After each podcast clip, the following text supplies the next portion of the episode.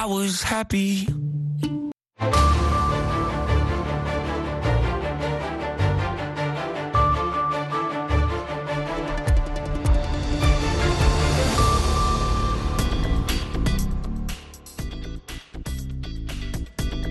halkani waa washington laanta af soomaaliga ee v o a oo aad ka dhagaysanaysaan mawjadaha gaagaaban efemyada geeska afrika iyo caalamkao dhan oo aad nagala socotaan boggeena internetka ee v o a somaly com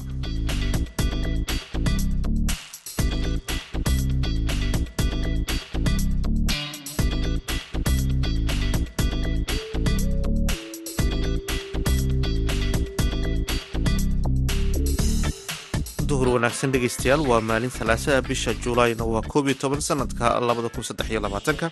Afrikada bari saacaddu waxay tilmaamaysaa kowdii barkii duurnimo idaacadda duurnimo ee barnaamijka dhallinyarada maanta. Waxaa idinla socodsiinaya anigoo xuseen bare aadan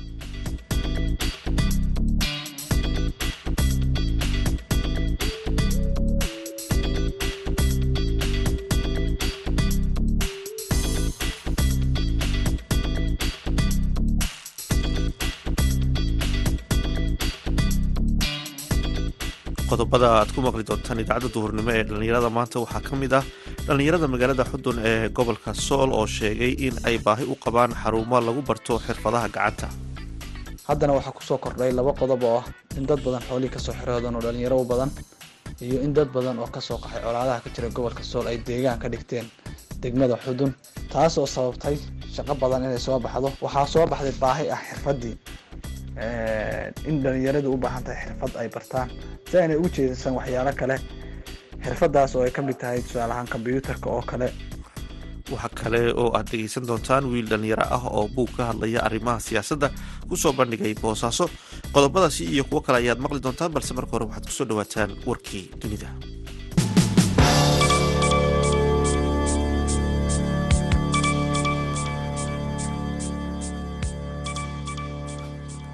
ugu yaraan hal qof ayaa ku dhaawacmay diyaarad rakaab siday oo ka baxday dhabaha diyaaradaha ku soo degaan ee garoonka diyaaradaha muqdisho. Ilaa iyo hadda mas'uuliyiintu ma hubaan waxa keenay in diyaaraddu ka baxdo dhabada diyaaradaha. Diyaaradan ayaa la sheegay inay siday soddon qof islamarkaana ay ka timid magaalada garowe ee caasimada maamul goboleedka puntland. Diyaaradan ayaa la sheegay in ay ku duuleysay magaca shirkadda hala irelands shaqaalaha gurmadka ayaa jooga goobta waxaana tegay dabdemiska mid ka mida mas'uuliyiinta garoonka ayaa u sheegay v o a in ay doonayaan in si deg deg ah loo furo dhabaha diyaaradaha si ay ugu soo degaan diyaaradaha kale. Hay'adda human rights watch ayaa ku boorisay maxkamadda caalamiga ee dembiyada dagaalka inay baadho dembiyada dagaal ee ka dhacay gobolka daarfuur ee galbeedka suudaan oo ay ku jiraan dilka tobanaan rayid ah hay'adda xuquuqda aadamaha ayaa sheegtay in dembiyadani ay dhaceen xili uu socday weerar isir ku salaysan oo lagu qaaday magaalo halkaasi oo guryo la dhacay. Hay'addu waxa ay ku eedeysay kooxda gurmadka deg dega ah ee r s f iyo maleeshiyada qabaa'ilka carabta ee isbahaysiga ah in ay ka dambeeyeen weerarkii dabayaaqadii bishii may dhacay kaasoo sida ay sheegeen saraakiisha halkaasi ku sugan ay ku dileen qof qaramada midoobay iyo ururada afrika ayaa ka digay in colaadu ay isu rogto qaab qowmiyadeed gobolka daarfuur ee suudaan ku-xigeenka afhayeenka qaramada midoobay farxaan xaq ayaa sheegay in xogayaha guud ee qaramada midoobay antonio guteres uu aada uga walaacsan yahay in dagaalka u dhexeeya ciidamada qalabka sida ee suudaan iyo kooxda r s f uu u horseedo in qarka u saarmaan dagaal sokeeye oo baahsan kaas oo khalkhal gelin kara gobolka oo dhan sida uu hadalka u dhigay tan iyo markii uu dagaalku qarxay ku dhowaad saddex milyan oo qof ayaa ku barakacay gudaha dalka suudaan kuwaasoo ay ku jiraan ku dhowaad toddoba boqol oo kun oo qof oo u qaxay dalalka dariska ah.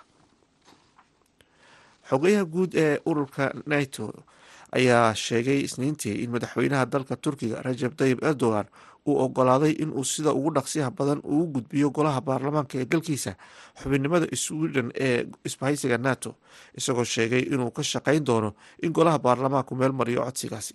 Xogayaha nato ayaa hadalkan sheegay kadib kulan uu la qaatay madaxweynaha erdogan iyo ra'iisul wasaaraha sweden ka hor kulanka isbahaysiga nato uu ku yeelanayo dalka lithuania. Dalka turkiga ayaa tan iyo sannadkii hore hortaagnaa xubinnimada sweden ee isbahaysiga nato go'aanka lama filaanka ah ee uu ku dhawaaqay xogeyaha nato ayaa jidka u xaadhaya in sweden ay noqoto dalkii labiyo soddonaad ee ku biira isbahaysiga nato. Intaasna dhegeystayaal waxaa noogu idil warkii dunida.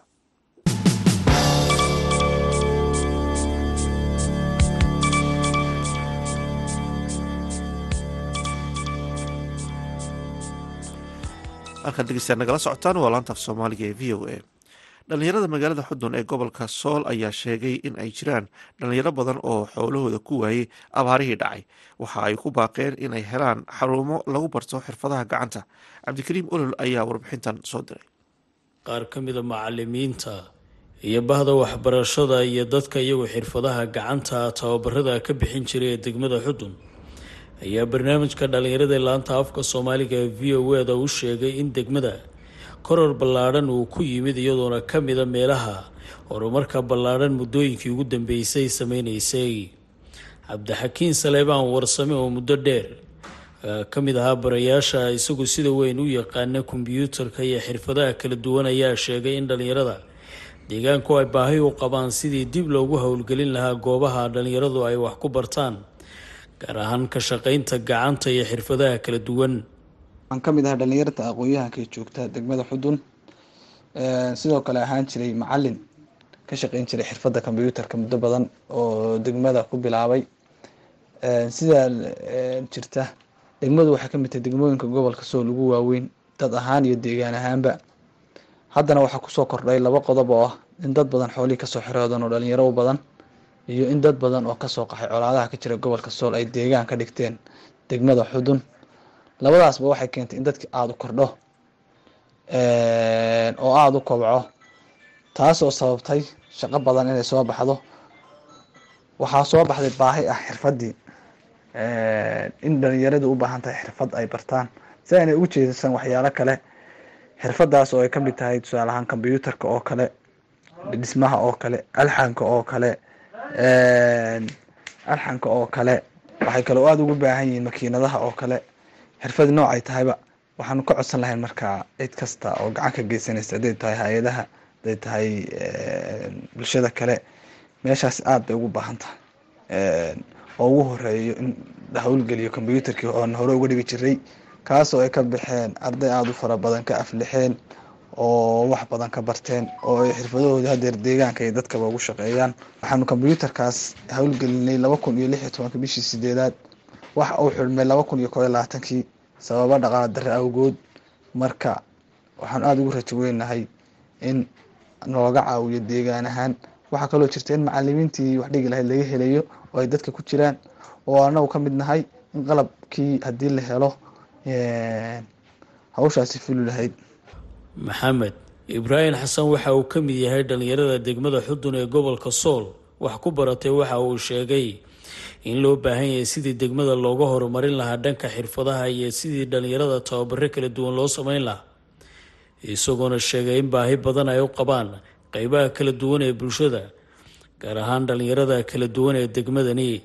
Waxaan ka mid ahay dhalinyarada degmada xudun ka ganacsataa ahna ahaan jiray ardaydii ka faa-iideysatay kombyuutarka runtii in la sii ambaqaado aanu aada u sii jeceysan inaanu helo haddii ay dee aniga iyo noqoto dhalinyaro fara badan oo kale oo degmaanka joogta iyo dad kale oo soo ama soo xirooday aada baanu u soo dhaweyn lahayn in kombyuutarkii dib loo furo waayo arday baa jirta dee xaafadihii oo joogta oo aanu intaa jeclaysan inaanu gelino anoqdho halkaa ka sii ay sii ambaqaadaan sidoo kale taa alxanka taa dhismaha aada baanu u jeclaysanaa waayo xirfadaha adduunka ugu qaalisan oo ama lagu shaqaysto ama wax laga faa-iido arday baan ahaa hore. Haddana waxaa doonaya iska sii ambaqaado waxbarashadeedaana ka hadhin qaar ka mid a haweenka degmada xudun ee gobolka sool ayaa ka hadlay sidii horumar ballaadhan loogu sameyn lahaa arrimaha horumarinta dhalinyarada iyo degmada iyadoona barnaamijka dhalinyarada ee laanta afka soomaaliga ee v o eda la hadlay ayaa waxaa ka mid ah hadalladoodii sida tan. Asalaamu calaykum waraxmatullaahi wabarakaatu anigoo magacaygu yahay xaawo maxamed cali. Kasoo jeeda degmada xudun waxaan codsi u dirayaa cid kastoo shaqo ku leh. Inay naga caawiyaan farsamada gacanta sida dawaarka oo kale cunto karinta kombyuutarka degmada waa degmo aada u weyn. Baahidaana aada bay ugu baahan tahay. Markaa cid kastoo shaqo ku leh hawsha ama wax ka qaban karta waxaanu si dhaqsaa uga codsanayna inayna soo gaarhsiiso degmada xudun waxayna ka mid tahay meelaha sida weyn horumarka u sameeyey dhowr iyo labaatankii sane ee ugu dambeeyey iyadoona adeegyada kala duwan ee ka jira ay aada u badan yihiin haddana goobaha xirfadaha kala duwan ee dhallinyarada lagu soo saaro ee farsamada gacanta ayaan guud ahaan halkaasi ka jirin iyadoona baahi weyn. Ay qeybaha kala duwan ee dhallinyaradu ay qabaan cabdikariin nolol v o a magaalada laascanood halkaad ulu dhegeystaan nagala socotaan waa laanta af soomaaliga ee idaacadda v o a oo si toosa idinka imanaysa washington. Markana aynu ku wada nasanno mid ka mid a heesaha aan idinku talagalnay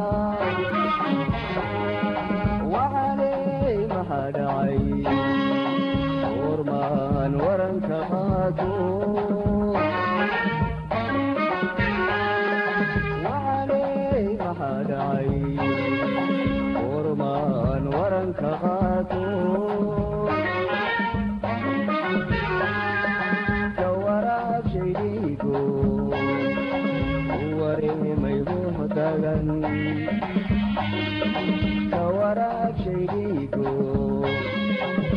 wareemayduba tagan kuwaydiiyey adigii wtiga wtiga wtiga baliishe kuwaydiiyey adigii wtiga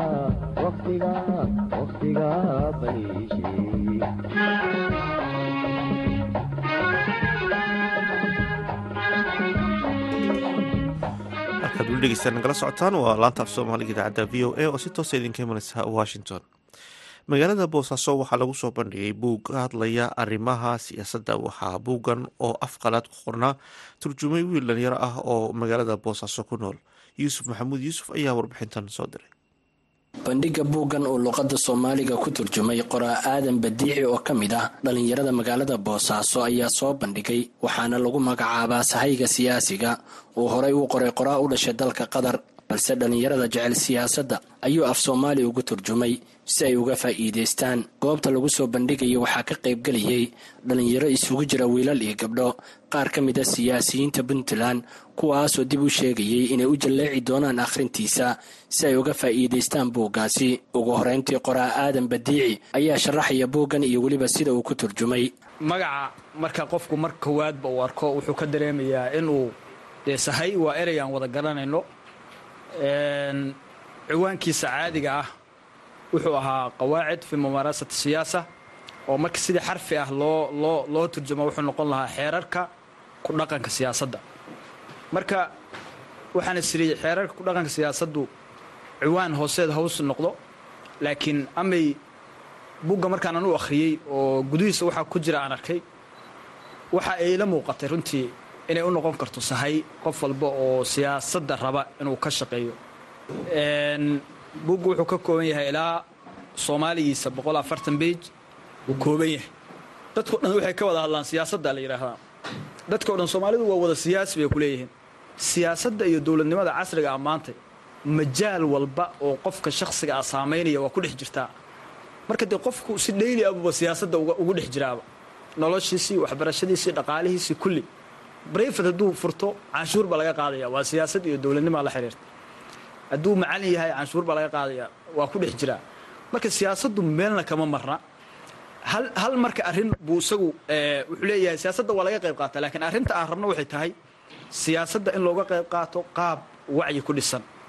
Macnaha qaab uu qofkii fahamsan yahay yani qaab iska dhex bood ah oo siyaasaddu waa danta guud ka shaqaynteeda marka waa in qof walba ka qayb qaataa. Micno badan keeni mayso cabdulaahi bootaan oo ka mid a dhallinyarada aqoon-yahanka ah ee ka hadla bandhiga buuggan sahayga siyaasiga ayaa ducdiisa sheegay in dhallinyarada uu wax badan ka anfici doono haddii ay akhriyaan isagoona sheegay inuu ku soo aaday xilli muhiim ah marka buuggaas isaga ah oo xilligaa ku soo aaday waa hadiyad weyn. Qoraagana waxaan leenahay aad baa ugu mahadsan tahay buga aanoo tarjuntay waxyaabaha bugaagta kale oo maaragtay buuggaanoo kale wuxuu kuu sahalaya xataa siyaasadda inaad wax ka sii akhrisid. Sababtoo ah bugaagta qaybta waxbay kuu hagayaan. Hadda buuggaa marka aad siyaasaddii fahantid bay kuusii kala baxaysaa. Siyaasaddii lookalka tii stateka tii dalka tii arrimaha dibadda bugaag badan inaad akhrisid oo aad fahantid adoo ka soo bilaaba meel hoose inaad maaragtay cilmiga siyaasadda xataa aad digrii ka diyaarisid oo waddo ay ku caddaato waxyaabaha ugu muhiimsanoo qofka siyaasiga ah uu ka duula waxaa ka mid a wax la yidhaahdo vishin himilo. Buuggaanoo kale marka wuxuu kaa saacidayaa xaggee u socotaa marka buuggaanoo kale akhrisid waxaa laga yaabaa inaa gaadhid within two tree years oo kale. Soomaaliya boqol sano kadib inaad sawiran kadhid qoraaga buuggaan qoray doctor jasim sultaan twitterkaan ka falowgaleeyaa weliba notification ba ii furan oo micnihii twit walbuu soo gelaya waa arkaa arrimaha siyaasadda si joogta a buu uga hadla everyday twits soo gelayaa waxaa intaas sii dheer siyaasi gaala maaha waa siyaasi muslim ah oo ay ku jirto hami ummadeed. Mashruuc dhan buu leeyahay oo ah ummadda islaamka in la soo kiciyo. Himilo ah buu xambaarsan yahay. Marka qof sidaasoo kale ah samhaw qorshe wuxuu noo diray soomaaliya. Sababta ummadda islaamkaan ka mid nahay qorshihii iyo fikirkii baanu la xambaaraynaa annaga oo ka qayb qaadanayna maaragtay loo kali sida dalkeenni maaragta aan horumarin lahayn aan u soo kicin lahayn insha allah dhinaca kale qaar ka mid a dhallinyarada magaalada boosaaso ee wax ka dhigay iskuullada iyo jaamacadaha guddoomiye ku-xigeenka dalladda dhallinyarada cabdifataax faahiye ciise ayaa aragtidooda ku aadan buuggan lagu turjumay luqadda soomaaliga ka hadlay waxaana ay sheegeen in faa'iido uugu jiro dhallinyarada dhalinyaro badan oo siyaasiyiin ah oo xildhibaano ku soo baxayna ay madasha ku sugan yihiin barnaamijkanna uu fursad weyn u yahay dhallinyarada in buuggan uu wax badan inaka qab tiri doono xagga siyaasadda. Markaaad siyaasadda soo gelayso meel kasta markaaad safar gelayso waxaa u baahan tahay sahay. Marka buuggaani wuxuu sahay u yahay siyaasiyiinta siyaasadda soo galaya iyo kuwa ku jiraba. Maadaama dadka u badan oo iminka soo galaya ay dhallinyaro yihiin waxaan u soo jeedinaynaa inay buuggan ka faa'iidaystaan akhriyaan waxyaalaha muhiimka ah ee ku jirana ay kala baxaan si ay dadka ugu xukumaan ugu maamulaan siyaasiyiin dadkooda iyo dalkooda waxtarana si ay u noqdaan. Anigu waxaan is leeyahay inta hadda uu qoraagu ama aqoonyaanku uu turjumaadda samaynaya ama guud marka uu ku samaynaya buugga runtii qodobo aada muhiim u ah oo waxtar u leh dadka arrimaha noocaana ee ka shaqaynaya ayaa ayaa ka mid ahaa. Buuggan si guud waa la guud maray laakiinse wuxuu ka hadlayaa isbarbardhig ku samaynaya culumta kale iyo siyaasadda. Oo culumta kale maalan qof hadduu xanuunsaday waa la leeyahay waxaa loo raadinaya qof ku takhasusay caafimaadkii si uu daweey masale diiniya isku kaa taagaysa qof faqiih diiniya loo tegaya. Laakiin siyaasaddii hadday xanuunsato ama qalloocato cidda loo tegaya waa cid walba cid walbaa dawadeeda haysata la rabaa inay mataqaanaa ay daweyso sidoo kale wuxuu sheegay in siyaasaddu ka soo dhex baxday. Saddexdii qodob oo qoraagu sheegay oo ahaa in bulshadii ay kala duwan tahay. Hadda same timena isku fikir iyo khilaaf uu ka dhex jiraysan ahayn oo khilaaf uu jiro. Inta badan dhallinyarada ayaa xoogga saarayay soo bandhigidda ay ku samaynayaan buugaag laga qoray taariikh anfici doonta dhallinyarada balse buugga sahayga siyaasiga uu turjumay. Wiilkan dhallinyarada ayaa ku soo aadaya xilli doorashadii ka dhacday degmooyinka puntland ay ku soo baxeen. Dhallinyaro ku cusub masraxa siyaasadda balse haddii ay akhriyaan buuggan uu ku hagi doono jidka siyaasadda lagu gaaro. Yuusuf maxamuud v o a boosaaso halkaad weli dhegeystaad nagala socotaana waa laantaaf soomaaliga ee v o a markana ku soo dhawaada xubinta ciyaaraha waxaana la socodsiinaya maxamuud mascade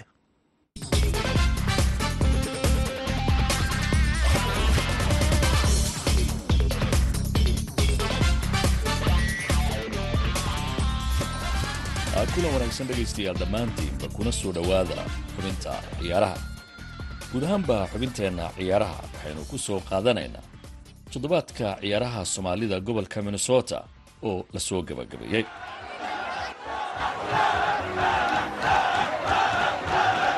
Ciyaarta kama dambaysta ayaa waxaa isugu soo baxay kooxda hilaac oo ka socotay gobolka ohio ee dalka maraykanka iyo kooxda hilta oo ka timid waddanka ingiriiska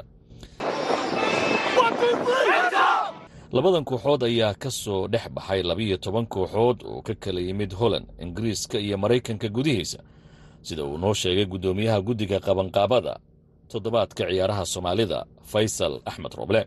Walaa ciyaaraha aad u xiiso badanaa ka dhaca meesha kooxo badan oo ka imaadeen yurub iyo ohaayo iyo minnesota dhexdeeda ka soo qayb gala garoonka ayaa waxaa soo camiray taageerayaal aad u badan oo u kala difuusaynayay labada kooxood inkastoo badi taageerayaashu ay rabeen koobku inuu ku nagaado maraykanka haddana waxaa jira taageerayaal badan oo la jiray kooxda hiltab ee waddanka ingiriiska. Ciyaar adag ayay labada kooxood soo bandhigeen waxayna sagaashankii daqiiqo isku mari waayeen hal iyo hal barbaraa. Hiltan iyo hilaac ayaa lagu kala saaray rigoorayaal ay shan iyo afar guushu ku raacday kooxda hilaac ee ka soo jeeday gobolka ohio. Golhayahooda ayaana u keenay in ay guushan weyn gaaraan. Kooxda hilaac ee gobolka ohio ayaa gacanta laga saaray koobkii toddobaadka soomaalida ee magaalada barnsville lagu qabtay. Cabdiraxiin xasan jilaco macallinka kooxda oo ku faraxsan guusha ay kooxdoodu gaartay ayaana v o a uga warramay farxadda iyo guushooda wallaahi farxadda anaga maxaa keenaysa? Guusha aqaadnaa keenaysa walaalkay. Baloonigan madooy caddaan waaye. Guul iyo guuldarre labadaba inaa filatid waaye. Guusha annakeena siisay. Annaka waa ragga farxadsan maanta. Alxamdulilah farxaddanaga lama soo koobi karo. Wakhti badanaa soo gelinay. Dad badanaa koobkan ka soo shaqeeyey. Wakhtigooda geliyey qarashkooda geliyey lacagtooda geliyey. Faamilkooda toban saac maalin kasta ka maqnaa. Raggaasna aada ugu mahad celinaya walaalkay.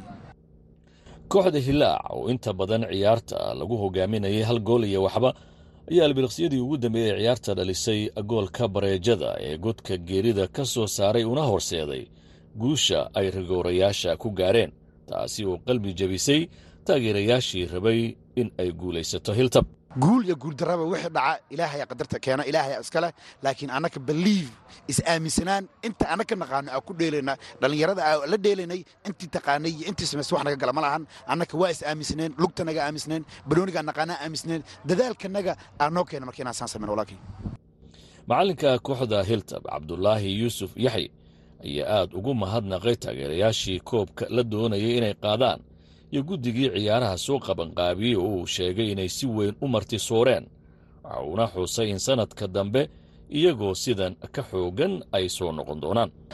Marka waa mahadsan yihiin kulliyooda se noogu soo dhoweeyey toban beri dhammaa la joognay si wax kastay noo qabteen oo noo suubiyeen waa dad oo sharaf sharaf leh waa aad yaa la mahadsan yihiin kulliyooda banooni fiicanaad deesheen koobka waa laydii saadaalinayay laakiin ugu dambayntii waa laydinka badiyey maxaa keena in laydinka badiyo waa tournamentka ugu horreeya oo dad badan annaga noola jira maanta ay ahayd meeshan. Waa u jeeday dhowr qofa noo raweynte koobkan raayna ma fahamtay ba?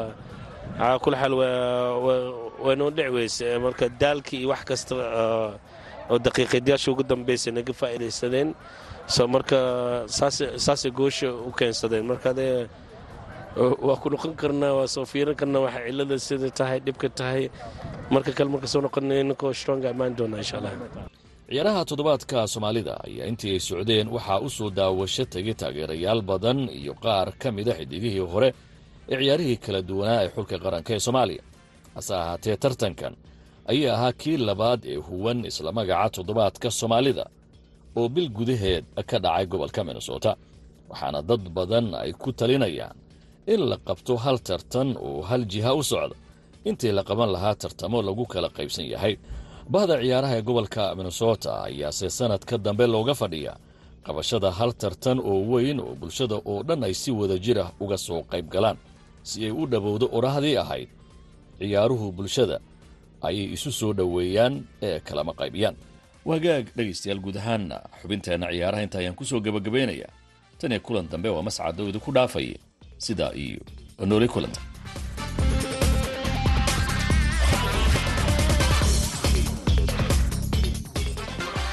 aad ayuu mahadsanyi maxamuud mascade oo inala socodsiinaya xubintaasi ciyaar halkaad kala socoteen waa laanta af soomaaliga ee v o a markana aynu ku wada nasanno mid ka mid a heesaan idinku talagalnay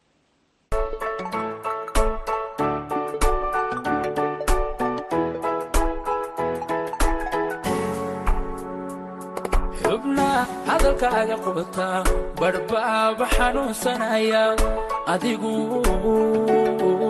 adigu adigu xilligada ka dheertay.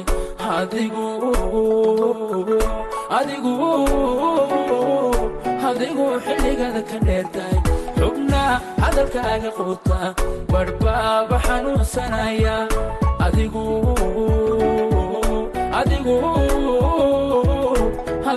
xilligada ka dheertay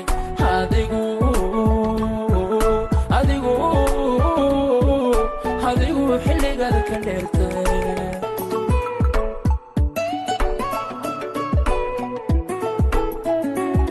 Xaalkayga adoo waraysan xogtayda adaa markiiba xabiibti indhaha ka qaata indhaha ka qaata xogtayda indhaha ka qaata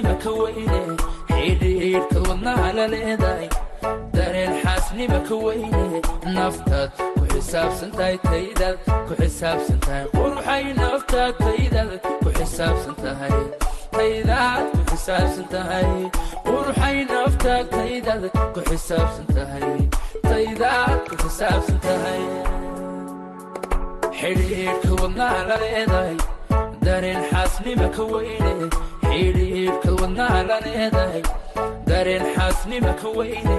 Naftaad ku xisaabsan tahay taydaad ku xisaabsan tahay quruxay naftaad taydaad ku xisaabsan tahay taydaad ku xisaabsan tahay quruxay naftaad taydaad ku xisaabsan tahay taydaad ku xisaabsan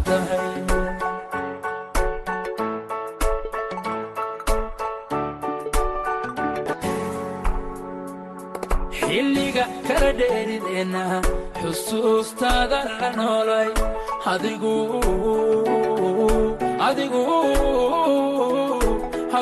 xilligada ka dheertay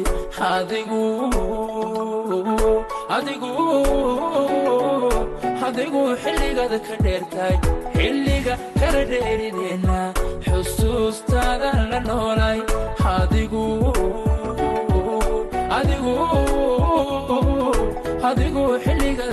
xilligada